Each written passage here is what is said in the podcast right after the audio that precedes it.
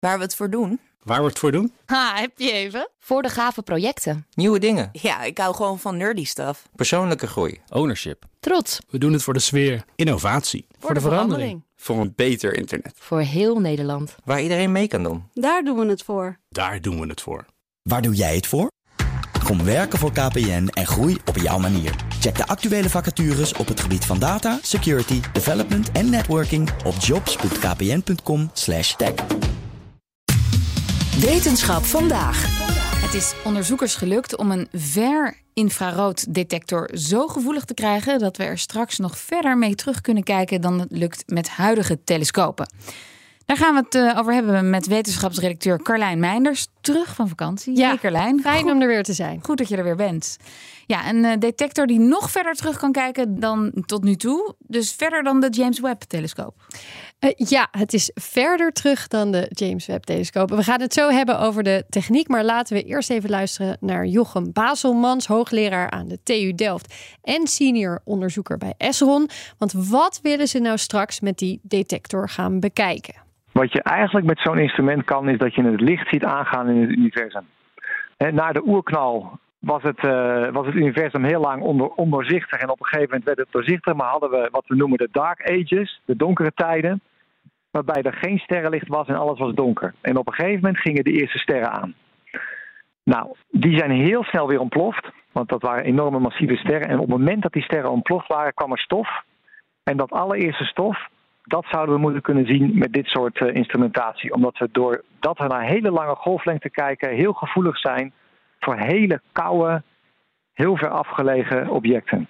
Dus eigenlijk zou je nog, willen, zou je nog wat verder in de tijd terug willen kijken dan wat de James Webb-telescoop nu al kan. Ja, nou, dat verder terug in de tijd kijken, daar moet ik altijd even mijn hoofd omheen bouwen. Dat blijft een bijzonder concept. Maar goed, er bestond dus nog geen detector die dit kon. Nee, nee. En het traject naar deze specifieke nieuwe detector was er ook eentje van de lange termijn. Het project begon 17 jaar geleden al. Dat vroeg dus toen al om een knap eh, staaltje strategisch vooruitdenken. En dat is iets waar we in Europa volgens Baselmans erg goed in zijn. We lopen daar behoorlijk in voorop. Projecten aangaan die niet binnen een paar jaar meteen iets moeten opleveren. Maar dat vraagt dan ook behoorlijk om wat durf van subsidieverstrekkers en kennisinstituten. Ja, zeker. Eh, dat speelt mee, ook omdat je iets aan het bouwen bent dat nog niet bestaat. En je kunt dus ook niet zoveel zeggen over eventuele andere toepassingen waar je het voor zou kunnen gebruiken. Maar je hebt ook onderzoekers nodig die een hele lange adem hebben en die de allerbeste zijn in verschillende vakgebieden. Het is een heel interdisciplinair onderzoek. Want je moet iets weten, of je groep moet iets weten over uitleeselektronica, dat is elektronica. Moet iets weten over de, de fysica van zo'n detector, dat is fysica. Je moet ze kunnen maken, daarvoor heb je cleanrooms nodig en, en alles wat daarbij komt kijken.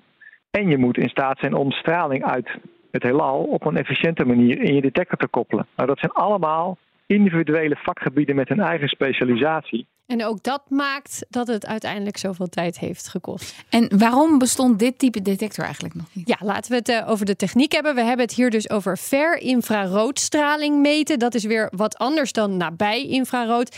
Ook wat anders dan röntgen, radio of zichtbare straling meten. Je zit eigenlijk daardoor tussen allemaal technologieën in die al bestaan. Dat maakt het een enorme uitdaging om daar een detector voor te bouwen.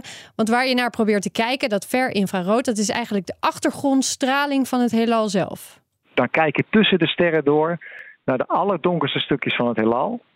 Daar ga je in die moeilijke golflengte proberen een waarneming te doen. Dan zal er nog steeds een heel klein beetje signaal zijn.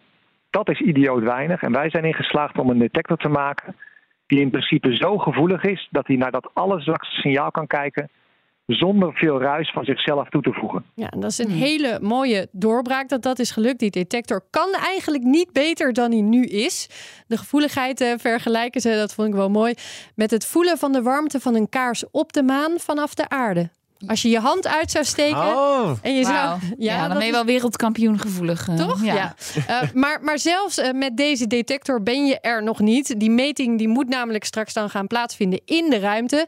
Want de aardatmosfeer blokkeert dit type straling. Dus vanaf de aarde kan het niet. En dan kom je ook bij de telescoop zelf. Want als je dan zo'n ruimtetelescoop hebt gemaakt met die technologie erin die zo moeilijk is, dan moet je ook die telescoop zelf nog afkoelen naar een paar graden boven het absolute nulpunt. Want een spiegel, die spiegelt, maar die straalt ook een heel klein beetje uit. Dus als je die spiegels op de telescoop hebt, die, die stralen een beetje warmte uit. Dat zou er dan alsnog voor zorgen dat het niet lukt. Dan krijg je ruis en verstoring van het signaal. Ook al heb je dus die geweldige nieuwe detectoren. Uh, de spiegels van Webb zijn overigens met min 220 graden al heel koud. Maar voor ver infrarood zou dat nog steeds te warm zijn. Ze zouden namelijk tot min 269 graden gekoeld moeten worden. Oké, okay, extreem koude telescopen ja, zijn er dus ja, nodig. Ja, Bestaan die al? Nee, uh, daarom is het een beetje een kip-ei verhaal ook. De detectoren bestonden niet. Dus waarom zou je dan de gok wagen om een hele dure, super gekoelde telescoop te bouwen? Nu is daar dus verandering in gekomen. Die detectoren zijn er nu dus wel. En het gevoeligst ooit. De hoop is dus dat dit allemaal dingen in gang gaat zetten. Het is nu dus fingers crossed dat er een, uh, dat er een goede missie wordt gedefinieerd in Amerika of in Europa. En het ziet er nu naar uit dat Amerika dat wil gaan doen. En dat dus deze technologie daar ook op gaat vliegen. Zodat wij daar ook als Nederland in samenwerking met andere Europese landen daar instrumentatie op kunnen bouwen die gaat vliegen op zo'n telescoop. Ja, hartstikke mooi. Het zit er dus al een beetje aan te komen, dus we komen hier vast uh, over een tijdje weer op terug. Ja, heel graag. Dankjewel, Carlijn. Bij BNR ben je altijd als eerste op de hoogte van het laatste nieuws. Luister dagelijks live via internet. Bas van Werven. En heel langzaam komt de zon op rond dit tijdstip. Je krijgt inzicht in de dag die komt op BNR, het Binnenhof in Nederland en de rest van de wereld. De Ochtendspits. Voor de beste start van je werkdag. Blijf scherp en mis niets.